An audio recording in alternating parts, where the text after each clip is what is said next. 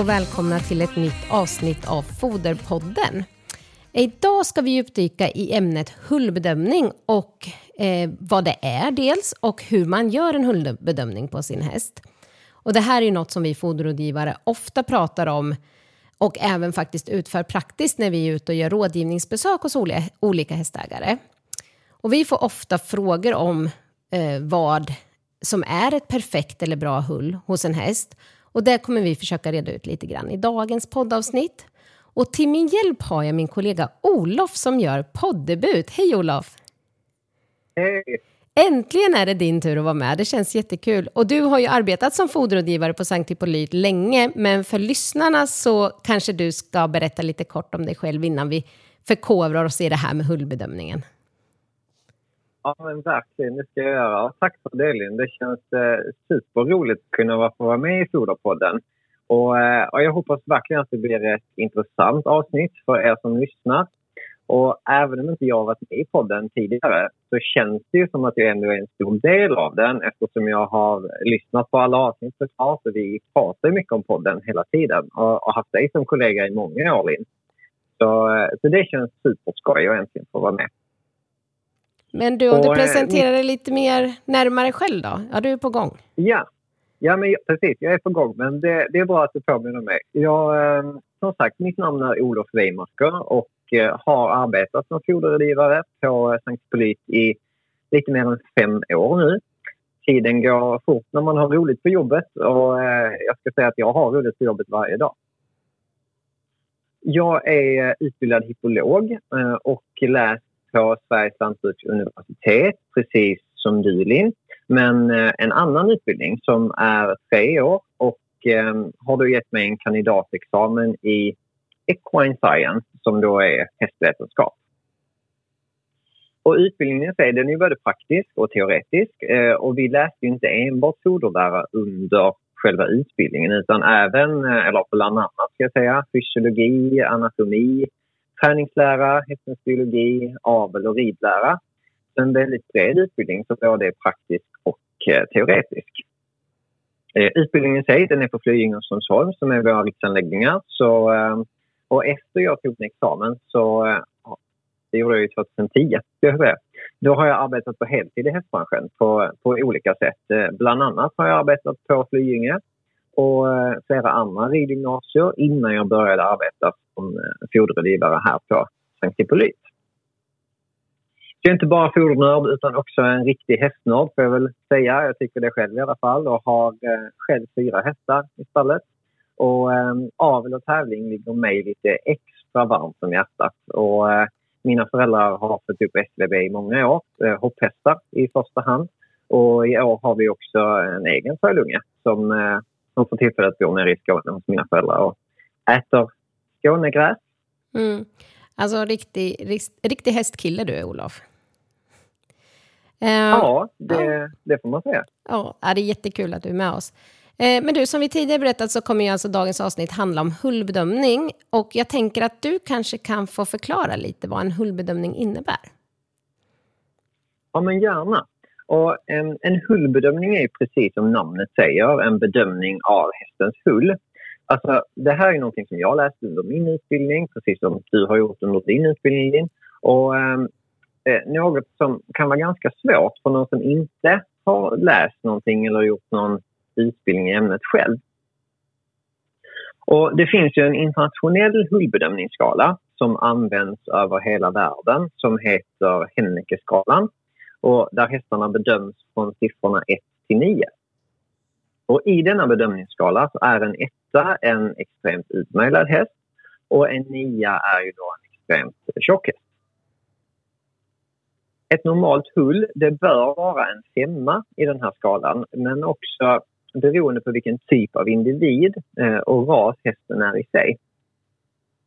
Däremot så är undantaget förston där en poäng upp till sju inte verkar utgöra någon risk egentligen.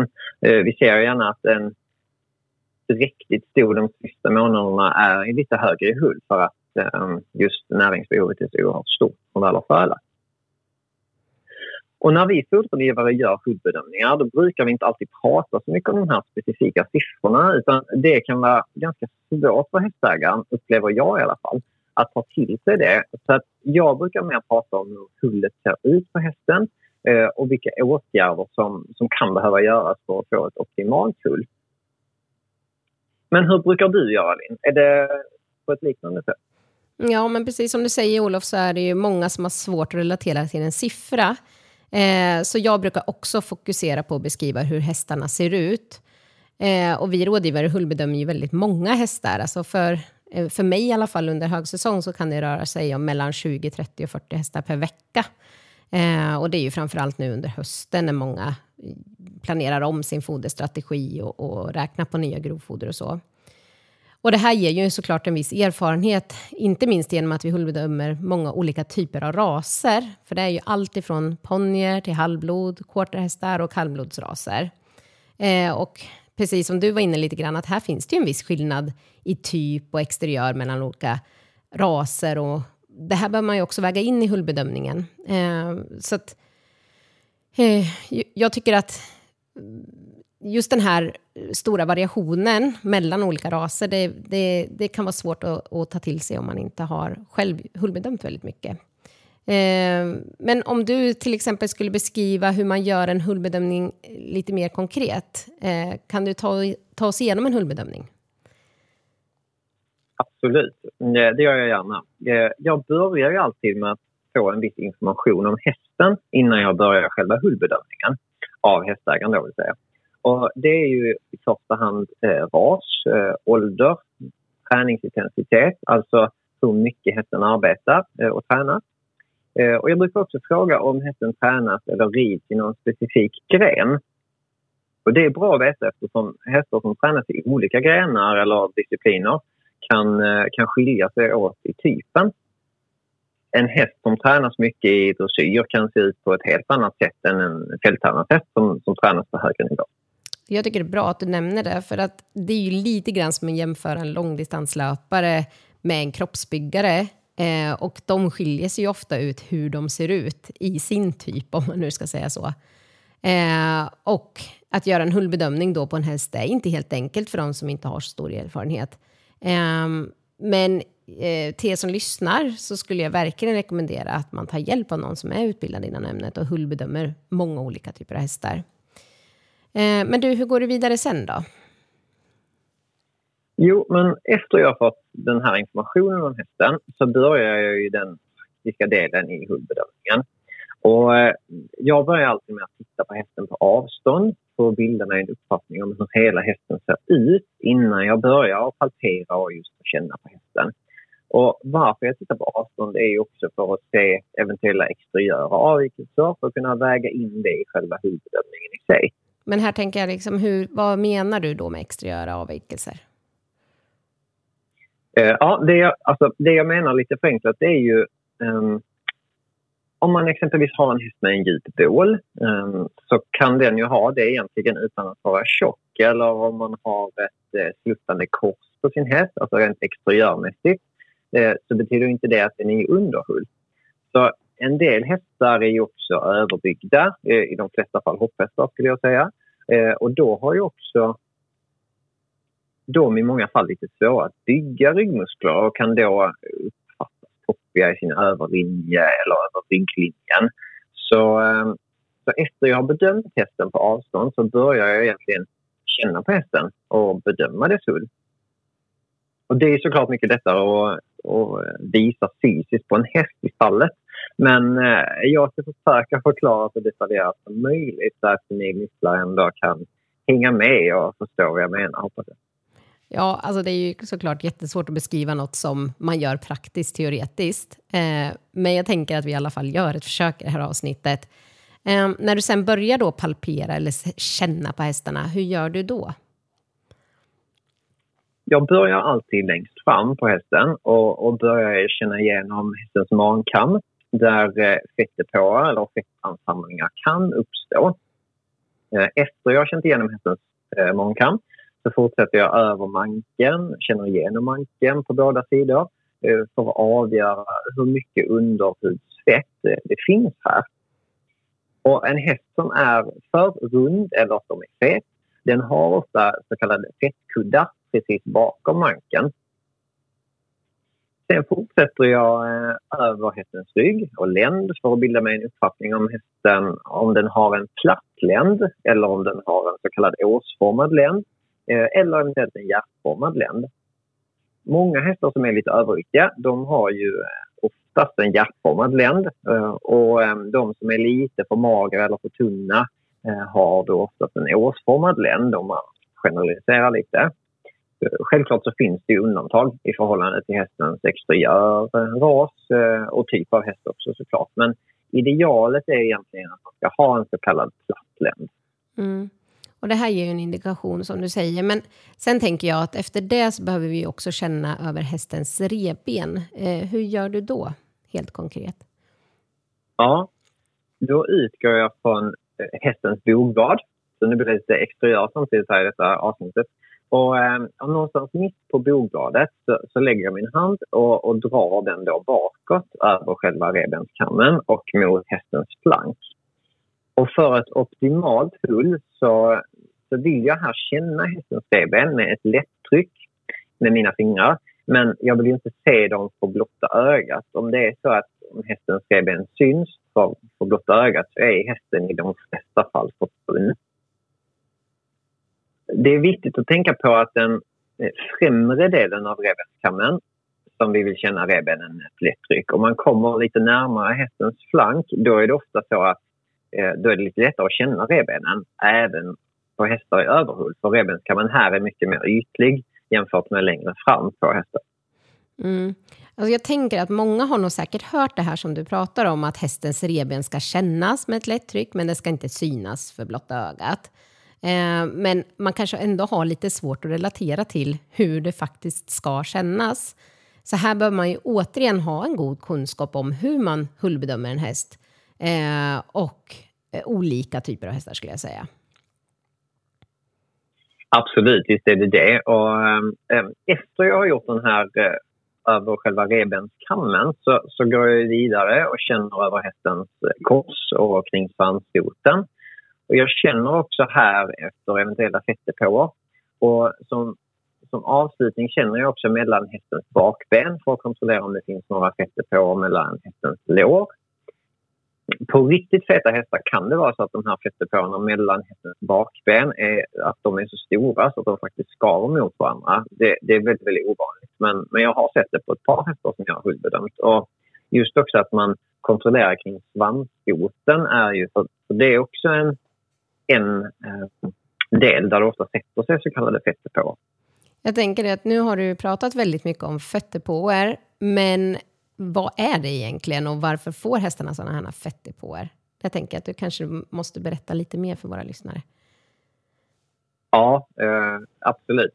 Eh, annars kommer de bara komma ihåg mig som den här som pratar om fettdepåer och de hade ingen aning om vad det är.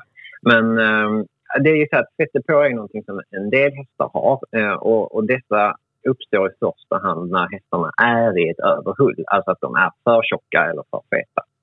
Eh, och många hästar är tyvärr lite för runda och eh, det diskuteras mycket kring det på forskningsnivå. Det finns eh, flera vetenskapliga studier som, som visar att vi hästägare ofta missbedömer hästens hull och även i många fall hur mycket vi faktiskt tränar och motionerar våra hästar. Så om det är så att vi att vi som foderrådgivare beräknar foderstat eller faktiskt att man som privatperson egentligen beräknar foderstat och missbedömer hur mycket vi tränar våra hästar då finns det ju en risk att vi exempelvis överutfodrar med ett kompletteringsfoder vilket i sin tur kan leda till övervikt hos hästen. För om det är så att man som sagt har gjort en foderstatsberäkning och beräknat på fel nivå av träningsintensiteten. För det är också någonting som vi tittar på när vi beräknar foderstater och den måste ju stämma något sånär ganska noggrant skulle jag säga. Eh, och sen utfodrar man efter att man tror att man tränar lite mer än vad man faktiskt gör. ja, då blir det ju ett överskott av energi i den här foderstaten som man har räknat fram. Och ett överskott av energi, det kan ju leda till övervikt. Mm. Så det vi, det egentligen, det gör vi hästägare självklart inte medvetet ska jag säga, men, men det är inte helt lätt att beräkna hur mycket hästen tränas varje dag. Och det finns ju tidigare poddavsnitt och vi har pratat om det. Ja, men exakt. Jag tycker nog att det är precis som du säger väldigt vanligt att man dels överskattar hur mycket man tränar, eh, men också just det här att träningsintensiteten och sen eh, hästens eh, vikt eller optimalvikt, att man missbedömer det lite grann och då har man ju redan kommit in fel i foderstaten kan man väl säga. Eh, men jag tänker, Ja, men jag tänker också så här, eh, eh, vi pratar ju om överviktiga hästar som har fettdepåer, men eh, kan hästar då ha fettdepåer av andra anledningar än att de är tjocka eller överviktiga? Om man har en häst som har någon typ av metabolisk sjukdom som EMS eller insulinresistens så kan även dessa hästar ha flera fettdepåer utan att egentligen vara överviktiga. Och, eh, men, men metaboliska sjukdomar det hör ju i många fall ihop med övervikt på häst eller om hästen tidigare varit överviktig. Mm. Och om vi nu återgår till hur fettdepåerna ser ut och var de finns, kan inte du beskriva det lite närmare för lyssnarna också? Även om vi får göra det så här utan att kunna visa, men, men beskriv gärna lite grann var de finns också. Så. Ja, ja men absolut. Som sagt, det är ju lite svårare så här när man gör det i en podd. Men jag tycker det är viktigt för de som lyssnar och, och, och få förståelse för det. Um, som jag berättade tidigare så, så är ju ofta hästens magkam ett område där sådana här fettdepåer kan uppstå. Men vanligt är också att de uppstår precis eh, bakom bogbladet. Eh, eh, det är en del som tror att det här är liksom en typ av muskel som hästen utvecklar. Men så är inte fallet, utan det är också en så kallad fettkudde. Och, eh, andra ställen där fettdepåer kan uppstå är över flanken bland annat, eh, kring hästens svansfot som jag sa tidigare och också mellan hästens bakben. Och lite hur de här fettdepåerna känns, det är ju lite svårt att beskriva så här i tal än en gång. Men man bör egentligen se sådana för eh, ögat eh, men också liksom känna på dem och palpera dem. Men Eh, ofta beskrivs det som små fettkuddar som i de flesta fall är mycket hårdare än hästens muskler. Så när hästens eh, muskler är avslappnade så, ehm, så är ju musklerna också liksom helt avslappnade i sig och mjuka. Eh, medan de här fettdepåerna ofta är lite hårdare. Eller de är nästan alltid hårdare när man väl palperar hästen. Så därför är det ganska lätt för oss som gör mycket hudbedömningar att se skillnaden mellan muskler och fett. Mm, jag tycker det är ganska vanligt att, att hästägarna kan missta en, en, en fettdepå i nacken som att hästen har en väl och välutvecklad och fint musklad hals. Alltså det, är- det är inte någonting som är ovanligt i alla fall. Och, och just att man har svårt att skilja på det. Um, så att um, det är återigen någonting som man behöver skapa sig erfarenhet av, tänker jag. Eh, du är ju inne lite grann på det här med muskler. När vi gör hullbedömning också då, bedömer man muskelstatus på hästen när man gör en hullbedömning eller hur fungerar det där? Nej, alltså i, i första hand när man gör en sån här hullbedömning så är det ju en bedömning på hur mycket underhållsfett som hästen egentligen har. Däremot så brukar jag ofta prata om muskelstatus när jag gör mina rådgivningsbesök hos, hos olika hästägare för att det är ofta någonting som... Jag får ofta frågor om det. Jag får ofta frågor om vad är skillnaden mellan muskler och fett och även hur, ehm, hur hästägarna kan utveckla hästens muskelmassa. Det, det får jag väldigt, väldigt vanligt att jag får den frågan. Eh, I de flesta fall så vill ju hästägaren såklart att hästen ska ha mer muskler. Och jag kan nog så här, jag tror att jag kan räkna på mina två händer på hur många hästägare som jag har träffat genom åren som, som är nöjda med hästens muskelmassa. Ehm, det, det är inte så många. Det är lite svårt det här. För att, och det är lite svårt att ta på rent konkret. För många hästägare, precis som vi människor oftast också vill ha, ehm, är ju mer muskler och snyggare muskler. Och då vill vi ju att våra hästar också ska ha det såklart. Ja, men självklart. Och jag, jag tänker så här, det är ju inte så enbart så enkelt att man, att man kan fodra hästen och sen får den mer väldefinierade och stora muskler. Eh, och hade det varit så så hade man ju gärna uppfunnit någon typ av tillskott och varit mångmiljonär vid det här laget. Eh, någonting som jag tänker är väldigt viktigt också, förutom hur vi fodrar hästarna, det är klart vi ska täcka hästens behov, men det är ju att hästen ska tränas rätt för att utveckla sin muskelmassa. Eh, den ska fodras rätt och det ska vara rätt andel av protein, och energi, och mineraler och vitaminer. Så det är mycket som krävs för att hästen ska kunna utveckla och bygga sina muskler och sin muskelmassa. Ehm, och det här är någonting som jag pratar mycket om, tänker jag, när jag är på ett rådgivningsbesök, att man måste ha koll på alla de här delarna för att det ska fungera. Precis, och det krävs också erfarenhet att se skillnad på, på fett och muskler, eh, som jag sa tidigare. Och, eh, och det är ju ofta så här att en häst är överhull eh, med med fettdepåer och liknande. Då kan man också misstänka att hästen kanske har mer fett än muskler på, på sin kropp i sig om de har de här specifika fettdepåerna. Så att, däremot så måste vi också väga in vilken typ av arbete som hästen gör och om det är som exempel en dressyrhäst som tävlar stråklass så, så kan ju muskelmassan på denna hästen se helt annorlunda ut i jämförelse med en fälttävlanshäst som går fyrstjärnig klass eller en galopphäst som, som tävlar regelbundet och tränas mycket intensivt. Mm. Ja, olika typer av, av hästar helt enkelt, eh, som utvecklar sig olika beroende på vilket jobb de är. Men jag brukar också tipsa hästägarna om att man ska ta bilder på sina hästar om man vill förändra hästens hull. Och jag tänker också att någonting som är enkelt i, i dagens samhälle, det är att de allra flesta har ju mobiltelefonen till hands nästan var de än går. Eh, och då kan man ju lätt dokumentera hur hästens hull förändras över tid. Eh, för det är väldigt lätt att bli hemmablind. Jag kan känna det själv med mina egna djur, att man ser dem varje dag. Eh, och eh, då är det ju svårare att se förändringar om man ser hästen varje dag. Så då tänker jag att det är väldigt bra om man tar bilder på sin häst för att se eh, hur hullstatuset förändras över tid. Ja, men visst är det så. Och, och mitt tips är ju om man, om man ska ta bilder och så att man, man börjar ta en bild på cirka tre meters avstånd med, med hästen uppställd från sidan eh, utan utrustning eh, och täcke och så. Den ska ju vara helt naken. Eh, och sedan även att man tar bilder snett framifrån och snett bakifrån eh, och gärna en bild helt bakifrån. Och då har man en bra dokumentation, tycker jag i alla fall, på, eh, på hur hästen ser ut i dagsläget. Och jag skulle väl säga, eller jag brukar rekommendera att ta gärna bilder på hästarna var tredje vecka ungefär för att se om hullet förändras. För att, att förändra hästens hull, det måste få ta tid. Och eh, man kan inte förvänta sig att det händer på eh, en eller två veckor. Det är väldigt sällan att det gör det. Framförallt att, eh, ja, om vi ska tänka långsiktigt.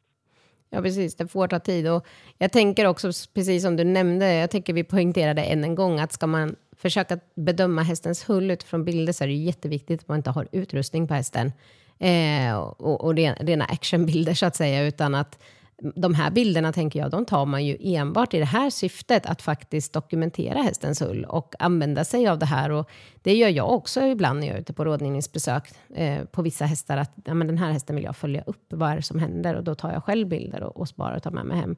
Så det är ju jätteviktigt eh, och ett bra verktyg skulle jag säga.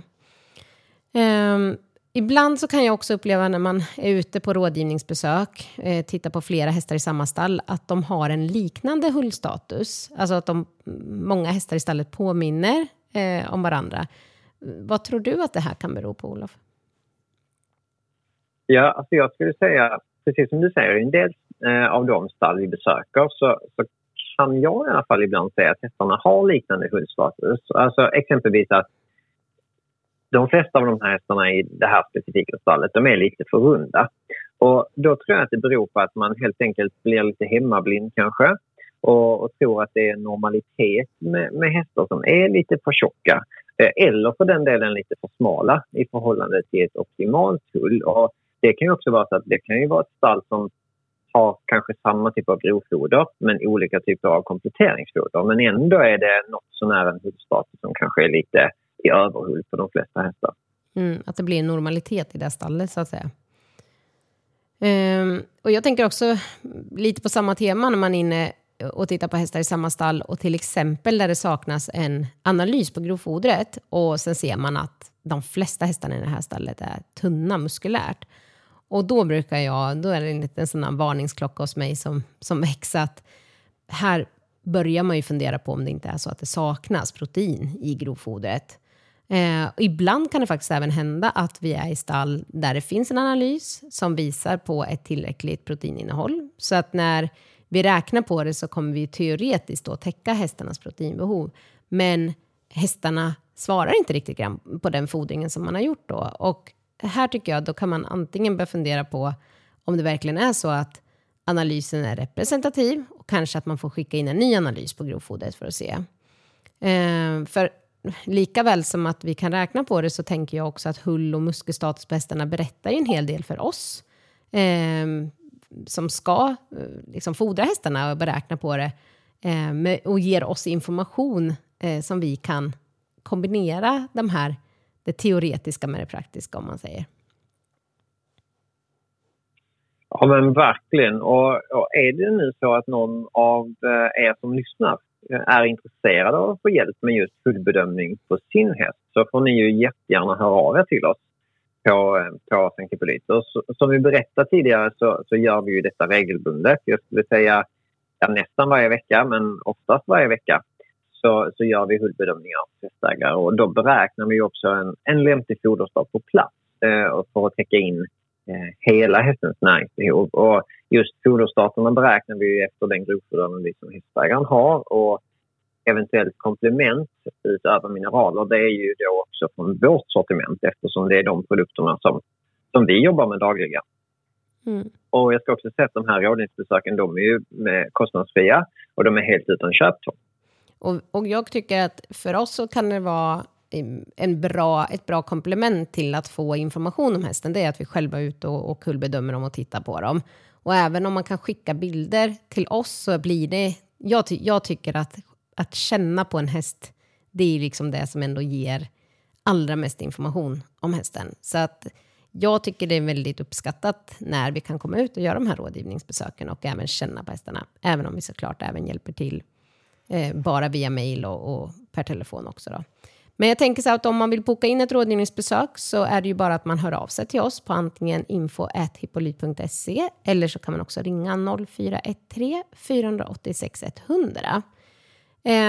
Jag skulle vilja tacka så hemskt mycket för idag och hoppas att vi, vi har kunnat ge lite mer kunskap eh, inom hullbedömning. Eh, och tacka vi tackar dig Olof. Jag hoppas känns det bra så här efter första poddavsnittet.